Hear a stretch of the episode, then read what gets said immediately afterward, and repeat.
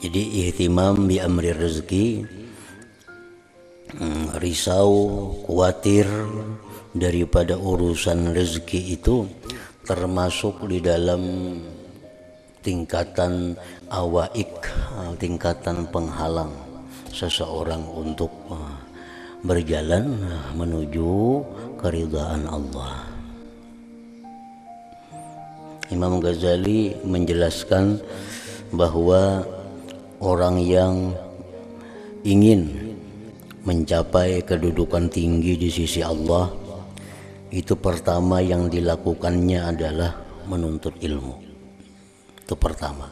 Kalau kita hendak jadi orang mulia kalau hendak jadi orang yang punya martabat tinggi di sisi Allah pertama yang dilakukannya adalah menuntut ilmu. Menuntut ilmu. Begitu ilmu ini kita tuntut sehingga kita banyak mengetahui hal-hal agama.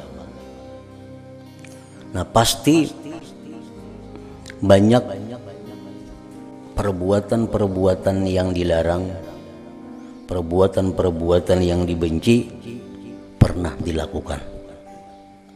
Kan dulunya kita ini macam-macam pekerjaan, macam-macam gawiannya kada ilmu, nang halal, nang haram, nang makruh, nang macam-macam diperbuat.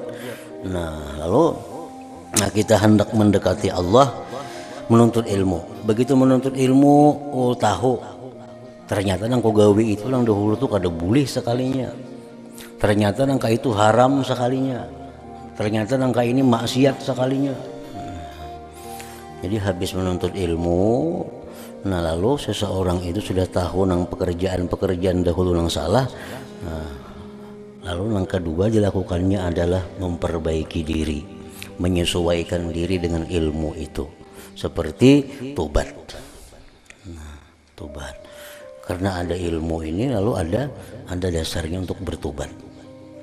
Karena sudah tahu tobat. Oh ternyata harta yang ku dapat tangka ini kada cucuk kada sesuai dengan dengan Allah. Nah bulikakan hartanya yang pun orang berarti? Pekerjaanku nangka ini kada cucuk nah lalu minta ampun tobat kepada Allah Nah, yang kedua, tobat sesudah menuntut ilmu.